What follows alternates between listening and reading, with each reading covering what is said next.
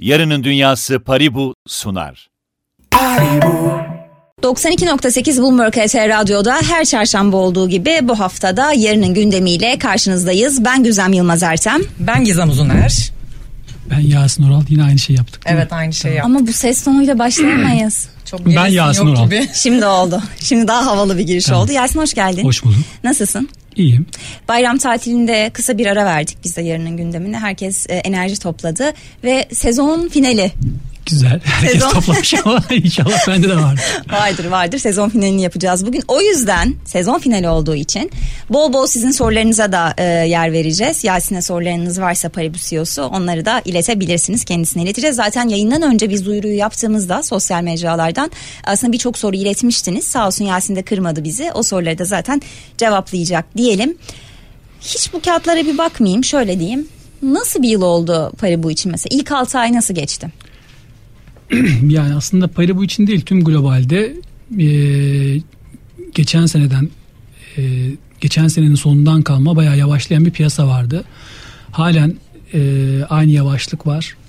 E, işte ayı boğa konuları. E, Yavaşlamadan kasıt ne bu arada? Az ya hacim hacimler düştü. İnsanlar tabii çok fazla yani piyasalarda çok fazla fiyatlamalar e, ciddi anlamda düştü. İşte Bitcoin'in 20 bin doların altını görmesi vesaire gibi konular.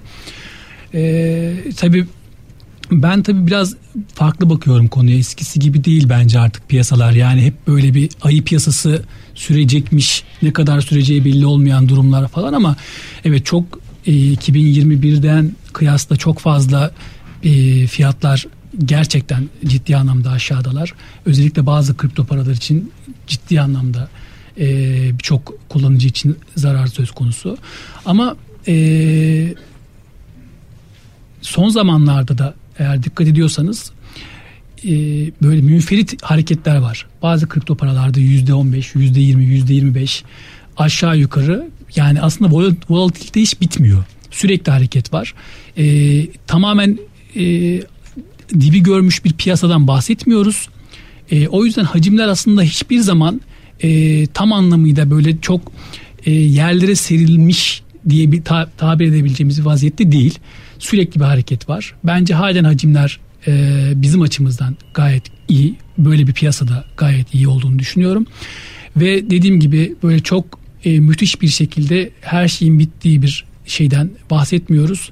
Bence bu e, daha büyük başka baş, başlangıçların e, göstergesi. Ya şöyle düşünüyorum ben bilmiyorum e, katılır mısınız Gizem sana da sorayım aynı soruyu. Tabii ki iki ayrı piyasa yani çok da e, benzer tarafları olsa da tabii aynı kefeye değerlendiremeyiz ama mesela Forex piyasasının bitişi demeyelim ama e, evre değişimini hatırlayalım. Mesela o kaldıraçlı işlemlerde kaldıraçlarla ilgili sınırlama olmuştu. Bir dönem çok fazla kayıp olmuştu. Şirketlerde böyle yavaş yavaş küçülme görmüştük. Çok az Forex şirketi kaldı. Ama biz o süreçten sonra gördük ki bir anda ee, orada işlem yapan yatırımcıların işlem hacimleri büyüdü ya da küçük olanlar sistemden biraz daha elendi. Finansal okuryazarlık arttı ve çok katma değerli sorular, istekler işte opsiyon piyasasında ne olur? İşte e, forward işlem nasıl yapacağım?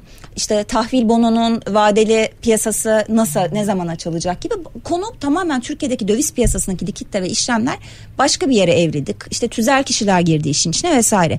Şimdi burada da sanki kripto para piyasasında yani bu sene biraz sınav test senesi. Ama bize de yayından önce gelen sorulara bakıyorum. Teknolojiyle ilgili o kadar fazla soru Evet. geliyor ki yani biz geçen sene bu yayınları size yaparken da Gizem'le işte bu okur yazarlığa ilişkin yayınlar yaparken hep YouTube'dan işte Bitcoin düşer mi çıkar mı'nın ötesine geçemiyorduk. Ama şimdi işte yok stake ne zaman başlar, e, işte Paribu listelenecek mi, Paribu net ne olur gibi daha işin teknolojisi ve dijitalleşmesi üstüne sorular geliyor. O yüzden genel bir acaba bilgi seviyesi artıyor, farkındalık artıyor. Kesinlikle söyleyebiliriz bunu çünkü e, şu an Paribu'da kullanıcı sayısı 6 milyona yaklaştı. E, daha önce aslında bildiğimiz geleneksel piyasalarda bu kadar kullanıcı sayısı e, çok rastladığımız bir sayı değil. Hal böyle olunca tabii bu insanların birçoğu özellikle e, 2021'deki o büyük hareketliliğin içerisinde dahil oldular. Bir şekilde karlı bitirdiler veya zararla devam ediyorlar ama bunun içerisinde e, kendilerini bulduktan sonra bir yerden sonra artık başkalarının söyledikleriyle hareket etmemeye başlıyorlar ve kendileri de araştırmaya başlıyorlar.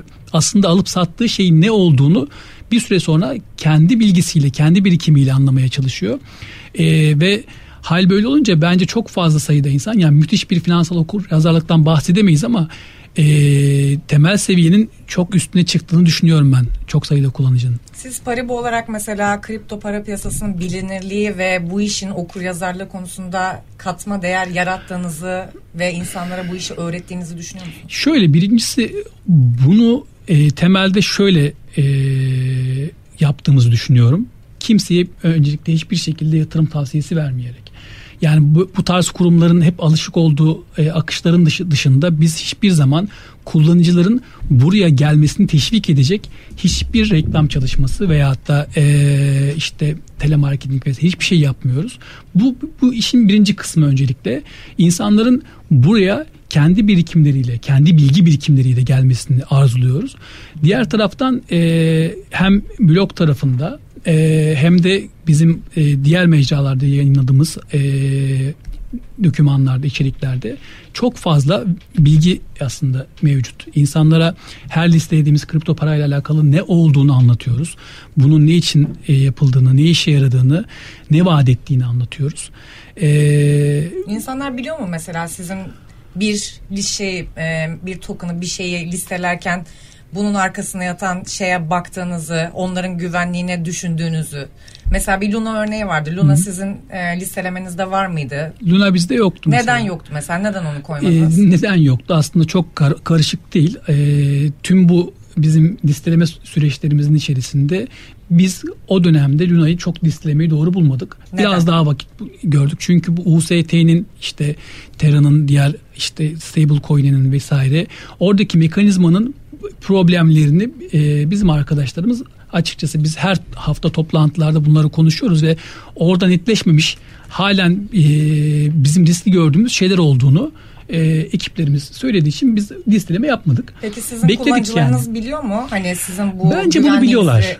Peki diğer rakiplerinize baktığınızda aynı hassasiyeti gösterdiklerini düşünüyor musunuz? Yani bu kadar hassas o olduklarını çok zannetmiyorum. Bu arada bu e, kötü bir şey mi iyi bir şey mi o, o da tartışılır bir konu. Çünkü Şimdi bakıyorsunuz Luna... Siz hassassınız. Hassas olmasak da olurdu. E, olabilirdi. Yani daha fazla kesinlikle. belki yatırımcı çekecektiniz. Daha çok para tabii, kazanacaktınız. Tabii kesinlikle. Şu an düşünün ki şimdi Luna evet e, tüm ekosisteme böyle bir hasar e, açtı ama ona rağmen arkasından çıkan işte e, forkladı, forklandıktan sonra çıkan e, yeni Luna'nın acayip bir hacim var. Eskisinin acayip bir hacim vardı.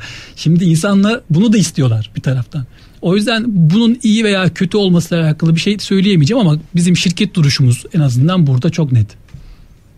Peki burada tabii bir yandan da aslında dijitalleşme süreci sadece dijitalleşme değil yani bu az önce mesela Yasin bahsettiğin şey ekip olarak toplanıp buna karar veriyoruz diyorsun. Demek ki Paribu'nun içerisinde de işte işte de e, farklı yerlere gelmişsiniz. Yani daha fazla katma değer üretmeye çalışıyorsunuz. Biraz bahseder misin buradaki vizyonunuzdan? Yani hem bu konu sadece Luna'nın listelenip listelenmemesi değil, Luna dışında blok zincir bak kripto demiyorum yani bütün ekosistem içerisinde Paribu ne yapmalı? Kendini nasıl konumlandırmalı? Buna bir ek yapabilir miyim müsaadenle güzel?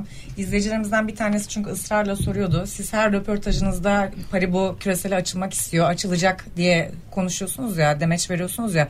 İzleyicilerden bir tanesi ısrarla bunu sorduğu için soruyorum. Orada nereden nereye geldiniz? Ee, daha belirgin bir şey var mı somutlaşan? Var. Ee, belki sorular arasında da vardır bilmiyorum. Şimdi bir bizim bayağıdır söylediğimiz bir yeni versiyon yenilenme konusu vardı. Orada sona yaklaştık. E, açıkçası bizim globale açılmamız da e, kilit nokta burasıydı. E, dolayısıyla biz bu yıl içerisinde e, birçok ülkede faaliyet göstermeye başlayacağız. E, yurt dışı yapılanması da eş zamanlı olarak devam ediyor şu an. Hazır mısınız peki global rakiplerle yarışmaya? Ya biz aslında zaten global rakiplerle yarışıyoruz burada. Yani tek yaptığımız, yapacağımız şey dünyanın her yerinden müşteriyi kabul etmek. Aslında Ama mesela şu an... Orta Doğu piyasasına ya da Rusya'ya girmekten bahsetmiyorum. Mesela Avrupa piyasasında olabilecek misiniz? Ya İngiltere'de, tabii ki, Londra'da. Tabii ki şu an zaten diyorum bizim yaptığımız ya da Asya'da. iş, bizim yaptığımız iş zaten özünde çok şey, e, çok global. Yani e, burada yerel şeyleri alıp satmıyorsunuz. Zaten global şeylerin alımına satılımına arızlık yapıyorsunuz. Kullanıcının kullandığınız teknolojiler hep herkesin kullanmaya çalıştığı teknolojiler ki biz bunu burada kendimiz üretiyoruz. E, hal böyle olunca aslında şey gibi değil yani diğer pazarlara hazır mısınız diyeceğimiz bir konu değil. Biz zaten e, yaptığımız işi yapmaya devam edeceğiz. Bunu sadece herkese sunacağız o kadar. Peki yaklaşık 6 milyon kullanıcı Türkiye'de yaşayan kullanıcı. Evet. Siz şimdi küresel açıldığınızda ne kadarlık bir hedef ya da potansiyel pazar payı görüyorsunuz? Ya potansiyel pazar payı zaten aslında belki 50 milyonun üzerinde bir şeyden hedeften bahsediyoruz ama biz ne kadar zamanda ne kadar ulaşırız onu zaman gösterecek tabii. Burada peki o zaman sorunun ilk tarafına geleyim ben küresel dışında. Sizin içerideki e, dijitalle sınavınız. Evet. Yani buna yeni enstrüman, yeni ürün, işte Paribunet'i de koyabiliriz. Var olan kripto alım satımı yapılan platformdaki hızlılık ve yavaş olma durumu. Yani o arkadaki ekip de önemli. Ya şöyle şimdi zaten işte bu yeni versiyon dediğimiz yapıda bu şu ana kadar gördüğümüz bildiğimiz o tüm yavaşlık vesaire gibi konuların hepsi zaten çözülmüş olacak. O yüzden biz konuya iş yani e, kripto para alım satım platformu özelinde bakmıyoruz.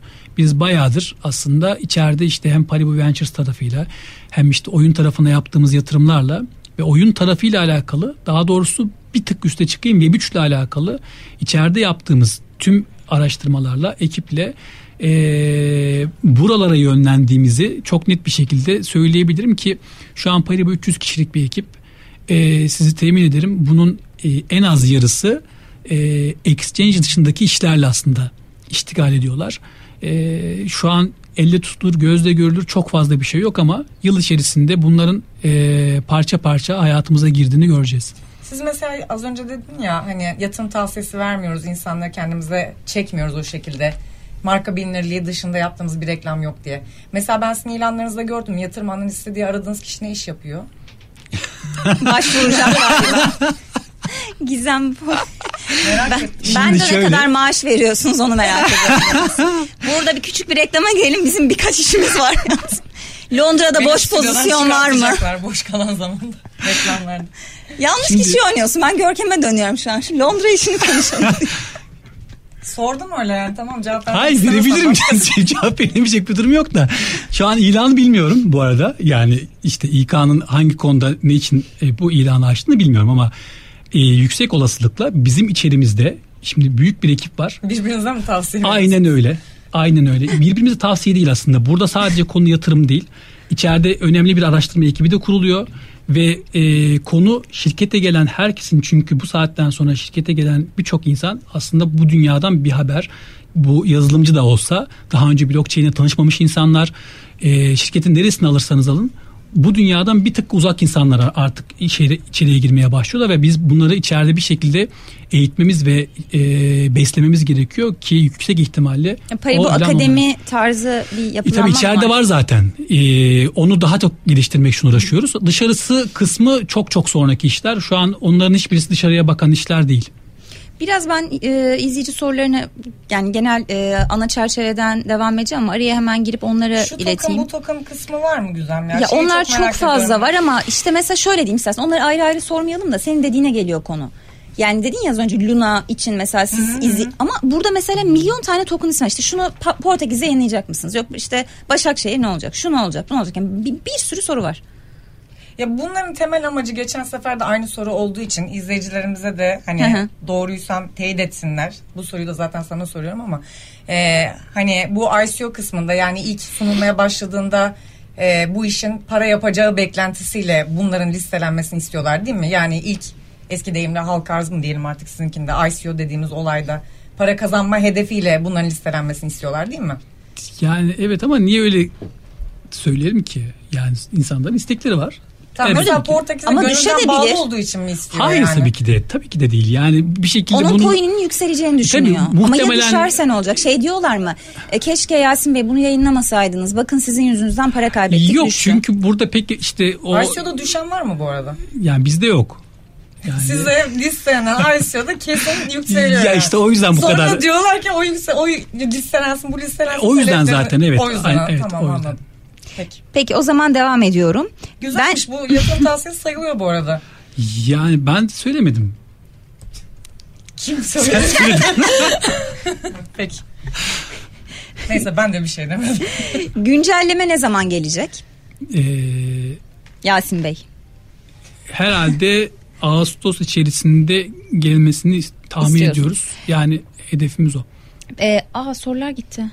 Harika. Sistemi hacklediniz şu an resmen. Hiç alakası Hiç merak etmeyin Nasıl arkadaşlar. PRB, Hepsini yazmış, hepsini ezberlemiştir. PRB coin ile ilgili bilgi istiyorlar. Ve tabii mesela bu işte PRB BTC, PRB ET bu bu tarz pariteler açılacak. Bence şöyle PRB ile Paribinet ile alakalı genel bir bilgilendirme vereyim. Lütfen. Hiç tek tek sorulara girmemiş olursun bu şekilde. Ee, şimdi bu bizim e, kendi yapacağımız projeleri öncelikle ve yatırım yaptığımız projelerin üzerinde çalışması için e, kurduğumuz ağydı. Halen öyle. Biz işte Paribu Ventures olarak hem de Paribu olarak e, hem kendi yaptığımız, kendi içerimizde bir e, oyun stüdyosu kurmak hem de Ventures'ın işte hem GameFi'da hem DeFi'da yaptığı yatırımlarda e, bu projelerin hepsinin üzerinde çalışabilmesi için kurduğumuz bir ağ bu. Ve yatırım yapılan bu tarz projelerin tamamı uzun dönemli işler. Yani işte bugün yatırım yaptığınız bir proje zaten size en az işte 6-8 aylık bir projeksiyonla geliyor. Ve bunların hayata geçmesi zaten en erken bu yılın sonunda e, ve bunlar hayata geçtikten sonra e, Aslında çoğunlukla... Paribunet hayata geçti ama tam Paribunet- meyvelerini evet, vermesi. Paribunet hayata geçti ama üzerinde koşacak projeler henüz test, test aşamasında çalışıyorlar. Ee, onlar production'a önümüzdeki yıla anca geçebilirler diye tahmin ediyorum. Ee, ama bu ağın çalışmadığı anlamına gelmiyor. Biz ağın üzerinde başka projeler gelişmesi için de e, hatta işte bir hackathon falan konusu vardı yine iç tarafta planlanan. Bu sene bununla alakalı çok güzel duyurular yaparız diye düşünüyorum. Peki sizin coin'iniz vardı PRB o ne oldu? Ondan bahsediyoruz zaten. Hayır şey kısmında ne oldu? Ee, tam bu ağın üzerinde çalışması için bu coin lazımdı vesaire. Evet. Bir vaadiniz var mı? Hani sizin sonuçta şirketinize bir nevi ortak olmuş gibi bir şey olmuyor mu coin'in? Hiç alakası yok. Peki. Hiç alakası yok. Aradığımız Gizem'e bugün neden ulaşıldı? Neden? Ne yaptın? Gizem bize dön artık.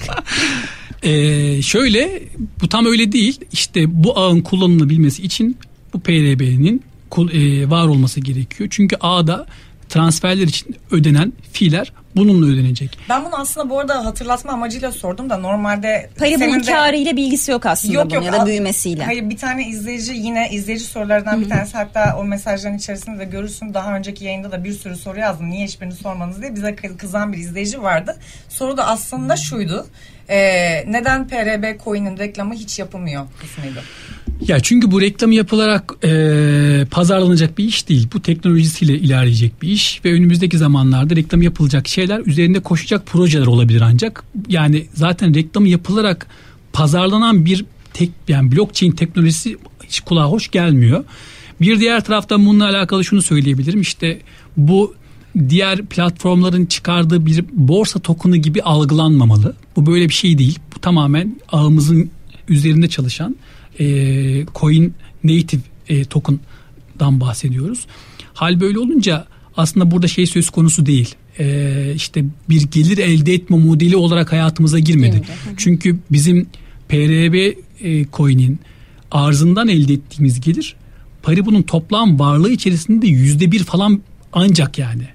Dolayısıyla buradan bir gelir beklentisiyle Alım böyle bir- satım komisyonuna bağlı. Tabii ileride Yok da mesela ben bütün paramı farz edelim ki yatırdım ona. Sizin toplam sermayede bir şey ifade etmiyor da benim için ediyor yani. Tamam güzel de şey değil yani bu buna değer vermediğimiz anlamına gelmiyor. Kendi yatırımını Burada sadece biz bunu bir para kazanma şirket olarak para kazanmak amacıyla borsa token'ı gibi çıkarmadık. Çıkarmadınız. Bir teknolojinin parçası halinde hayatımıza girdi ve evet merak ettiği şey bu. Üzerine projelere koşmaya başladıkça değer kazanacak ama yine de yatırım tavsiyesi değil. Peki, Peki stake'lere biraz gelelim istersen. ben izleyici olsam Aslında. beni çok severdim.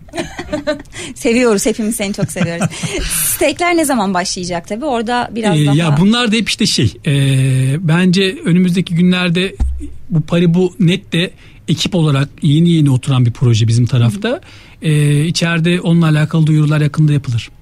E, bir de tüzeller onu ben de merak ediyorum. İzleyiciler de sormuştu aslında onlar sormasa ben de soracak. Mesela Paribu Net'i kim kullanacak? Mesela bir X şirketi E, kullanabilecek tabii mi? ki kullanabilir ama hangi projeyle buraya geldiğine ve blockchain'de neye ihtiyacı olduğuna biraz bağlı. bu çok önemli değil mi Yasin sence? Yani sen, Yani- sen tamamen ya Paribu'yu e, zaten alım satım platformu değil. Sadece o amaçla e, işlemiyor işler sizde bir süredir ama tamamen tüzellere bir hizmet veren başka bir şirket gibi dönüşüm Ya biraz oluyor öyle orada. çünkü zaten şu an onlarca kurumla şey görüşmesi yapıyoruz. Şu an aslında konu token'dan, coin'den çıktı ve NFT'lerde e, ilerlediği için ve biz tabii bu ağın ileride daha çok NFT'nin altyapısını oluştursun diye Hmm. e, kafamızda kurguluyoruz.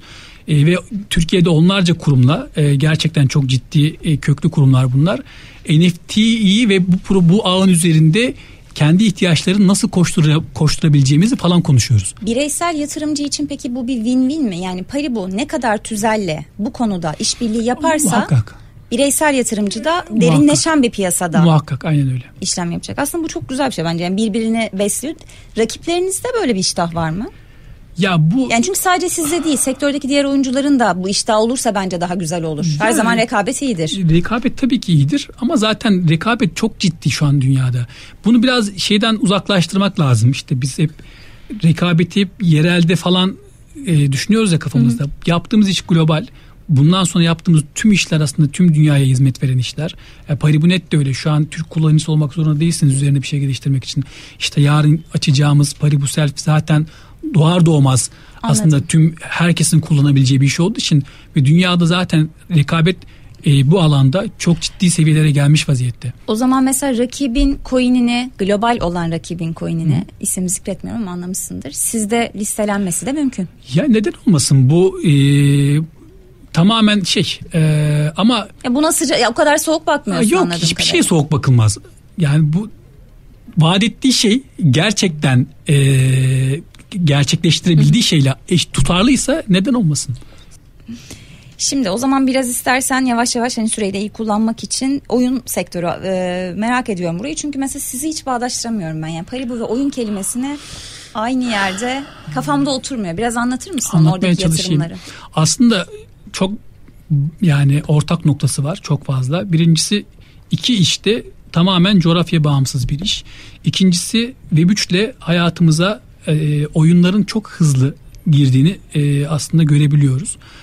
Buraya gelmeden önce hatta bir projeyle birlikte gö- şey, e, yatırımla alakalı konuşuyorduk. E, Web2 ile Web3'ün nasıl e, birbirine e, geçirebildiklerini falan anlatıyorlardı. Güzel bir vizyonları vardı. Çünkü aslına bakarsanız Web3 e, üzerine doğrudan Web3'e bağlı oyunlar inşa ederek biraz sektöre ben zarar verildiğini düşünüyorum orada. Yani düşündüğümüz şey, hayal ettiğimiz şey NFT'lerde işte Web3'te bu bahsettiğimiz o metaverse dünyası falan değil. E, hayatımızda çok şey değişecek ve blockchain'in e, en hızlı e, hayatımıza entegre olabileceği, NFT'lerin hayatımızın bir parçası olarak e, çok hızlı e, piyasaya girebileceği en iyi alanlar oyun. E, ve bunu aslında geçen sene ki halen devam ediyor. Bu play to earn oyunlarla falan çok net gördük. Ben Web2 dünyasındaki birçok oyunun yavaş yavaş buraya doğru evrileceğini, e, oyun dünyasındaki tüm kazanımlarımızın birer NFT dijital varlık olarak kendi cüzdanlarımıza Yani saklayabileceğimizi konu sadece ben karakterim, benim ismim şu olacak, üstünde kırmızı yelek olacak. Yelek mi? Değil. değil tabii ki ama Kendimi orada Michael Jackson hayal ediyorsam oraya da sol boş ver. ya hiç- oradaki o Pelerin falan olmasın? Karakterden Yelekli tut da- karakter pek karizmatik bir oyuncu Tam şu an. O da olabilir. Michael Jackson O olmak olabilir. istiyorum. O şey var üzerimde. Yelek var. Kafamda şapka. Tamam Neyse, evet. ciddiyetle anlatıyordum ama Evet, şimdi buyurun. Tamam konu Koptu. evet yani bu kadar sığ bir yerde tartışılmayacak. Bu tamamen tüm oyun sektörünün içine yedirileceğini Ee, tabii işte yani NFT'ler aslında ee, söz konusu olunca tüm buradaki altyapı bir, bir şekilde blockchain'e dönüşeceği için aslında olabildiğince fazla örtüştüğümüz bir alandan bahsediyoruz ve biz burada bulunmak zorundayız. Yani bulunma be- bence bir opsiyon değil bizim için e, zaruret. NFT market gibi bir şey düşünüyor musunuz? Düşünüyoruz evet. Ne Nedir zaman? NFT market bu arada? Yani şöyle NFT şimdi bizim platformumuzda sadece kripto paraların e, alınıp satılması söz konusu. Ama bu NFT'lerin alınıp satılacağı tabii NFT deyince aklımıza hep resimler, görseller falan geliyor ama oradan bir tık daha uzaklaşacağımız bir marketplace e, doğrudan e, Paribu tarafından gelecek. Ne zaman? E, tarih yok. Bu yıl içerisinde hedefliyoruz ama burada tabii şey var. Şimdi NFT'den beklenenle anlanan arasında çok büyük bir fark var. Ve biz bunu son kullanıcıya e, nasıl ulaştırabileceğimiz üzerine çok fazla kafa yoruyoruz. Çünkü şu an NFT çok fazla konuşulan ama adaptasyonu çok düşük bir konu. Yani, Yani, herkes soruyor aslında mesela sizin de zaten size geliyordur da senin de etrafında vardır. Böyle bir sanat icra eden, bir şey üreten, resim yapan herhangi biri biz bunu nasıl NFT'ye dönüştürürüz? Nerede satarız sorusunu çok soruyorlar bana. Bu böyle anlaşıldığı gibi mi yani? Evet değil işte o yüzden yani Ha. insanların Ha, aklına evet insanların aklına sorduğunda. ilk gelen şey böyle tamam ben bir sanat eserini e, NFT'leştirirsem e, yeni dünyaya adapte olurum. Şu an aslında kafadaki algı bu ama bu konu tam böyle değil. Bundan çok daha fazlası var. Yani oyunlardan kazandığınız, oyunlardan elde ettiğiniz karakterleriniz falan dahil onları nerede alıp satacaksınız ikinci piyasalarda? Onlar da Yelekleri burada. mesela. Nerede Yelek. satacağız yani? Pelerinleri. Peki mesela bu konuyla ilintili aslında Türkiye'de işte birkaç giyim mağazası başladı. Yani online'dan gezmediğimiz NFT tarafında işte mağaza açma. Mesela Paribu onlara bir ev olacak mı, yuva olacak mı? Yani bir platform oluşturacak mı? Yani böyle bir platform olmayacağız muhtemelen. Ya onlar biraz bana şey geliyor. Ee, işte nasıl ifade edilir? Ee, geçici işler gibi geliyor. Çünkü yani Metaverse'de de aynı şey. Bu yine konuşuyorduk. Yani işte Metaverse'deyiz, yürüyoruz, oturuyoruz falan. Aynen, evet. Niye oturuyorum ki ben orada? Ben gerçek dünyada oturma ihtiyacım var. Benim orada oturmaya ihtiyacım yok ki. Neden Ama koltuk var? pandemiyle yani gerçek dünyada oturamayacağımızı gördük. Herkes hibrite Tamam, döndü. Yani yok, niye sadece Zoom ve. Skype linkini kullanalım ki? Ee, bir Metaverse dünyasının içerisinde içerisindeyken bir yere oturmak oturuyorsun ya. Hı hı. Niye oturasın ki? Yoruldun mu? Yani Anladım. yani orada ona gerek yok. Onu anlamaya çalışıyorum. Şimdi hep burada bildiklerimizi oraya uygulamaya çalışıyoruz ya. Değil orada ayrı bir dünya. Yani o çok değişecek. Ya bugünkü alışkanlıklar geçecek işte. Bugün gördüğümüz şeyle hızlı aksiyon alınmış işler gibi geliyor bana. Biz o yüzden biraz yavaş hareket ediyoruz ki o algı değişecek. Biz bir tık ilerisini görmeye çalışıyoruz. Aslında oradaki konu bu. Burada mesela kripto yatırımcılarının e, siz şimdi mesela her alanda teknolojiyle ilgili her alanda faaliyet göstermeye çalışıyorsunuz ya mesela NFT market. Bunun mesela diğer dünyada var olanlardan farkı ne olacak? Onu da geçiyorum mesela. Kripto para yatırımcısını şey olarak e, bir algısı var ya böyle kısa yoldan para kazanmak isteyen insanlar gibi addediliyorlar ya belli noktalarda. Bu yanlış mı doğru mu sizce? Ya çok öyle sorular soruyorsun ki şimdi. Birincisi evet marketplace'imiz çok güzel olacak. Herkesten çok farklı olacak falan demek istiyorum ama yani farklı Olmayacak. bir farklı Yok, bir olmayacak. bakış açısıyla gelecek sadece. Ee, diğer taraftan insan yani yatırımcısı için yani bu bence insanoğlunun tamamında olan bir motivasyon. Kripto Hangi para talebe değil. göre bu arzı yarattınız o zaman öyle sorayım yani NFT market'ı niye açıyorsunuz diğerlerinden diğerlerinde insanlar bilmiyor ki hani İşte insanlar bilmiyor ya. İnsanların Bilsin bilebileceği, diye. adapte olabileceği, kolay adapte olabileceği aynı bu kripto para piyasasına e, gir- girebildikleri gibi yani 6 milyon insanın burada bugün e, kripto para alıp satabildiği bir yerden bahsediyoruz. Bunu yapmak olabildiğince zor bir iş. Ama işte bu adaptasyonu NFT'ye yap, e, yapamadılar. Olmadı bu. Biz onu nasıl yaparız? Aslında temel fark Anlaşılır orada. kılmak istiyorsunuz aslında. Anlaşılabilir Kolay erişilir. ve erişilebilir. Erişilebilir. Evet. Ee, sürenin sonuna geldik ama belki Gizem'in de sorusu vardır. Ben son soru hakkımı şundan yana Bence kullanacağım. yoktur Gizem. Eyvah. yo var Sunucuya baskı var şu an. yo var. Yarının gündeminde basın özgürlüğü yok. Şaka yapıyorum. Ee, regülasyon tarafı e, sıkıştı kaldı. Yani dünyada da öyle, Türkiye'de de öyle. Ve şu an içinden geçtiğimiz aslında durum şu. Yüksek enflasyon. E, dolarizasyon hala devam ediyor. Nereye paramızı yatırsak da yap, alım gücümüz düşmesi. Dolayısıyla artık yavaş yavaş bu arada regülatörlerin işte BDDK vesaire başka yollarla tüzellere, bireylere döviz işlemleri konusunda sınırlayıcı çok fazla adım geliyor Yasin. O yüzden Türkiye'nin şu an kendine has bir dinamiği var. Sizin burada yatırımcıyı doğru okumanız lazım. Biraz da belki de yeni dönemde. O yüzden de köprü oluyor musunuz? Mesela hiç regülatörlerle konuşuyor musunuz? Yeni dönemde ne olacak? Nasıl düzenlemeler gelecek? Bir ışık var mı? Yoksa tamamen rafa mı kalktı? Ya tamamen rafa kalktı demek doğru değil. Muhakkak kamuyla görüşülüyor. Yani aktif bir şekilde çünkü orada zaten Sizin hiç temasınız oldu mu? ülkemizde yani temas zaten sürekli var, Var, aslında anladım. tabii. Yani böyle şey gibi değil. Ee, ya ne yaptınız o işi gibi ilerlemiyor tabii orada konular. Ee, ki hali hazırda zaten yani Türkiye'de bir regülasyon yoksa bile biliyorsunuz işte birçok konuda işte masada e, tabiiz. Oraya yükümlü olarak da faaliyetlerimizi yürütüyoruz. Zaten orada yürüyen bir kamu ilişkisi hali hazırda var. Ama bu e, regülasyon yasanın gelmesi, kuralların belirlenmesi konusunda e, bir şeylerin rafa kalktığı anlamına gelmiyor. Hiçbir şey rafa kalkmış değil. E, fakat bence burada belki şeyi söylemek doğru olur. Öncelikler. Türkiye'de biraz e, yani dünyada da öncelikler değişti.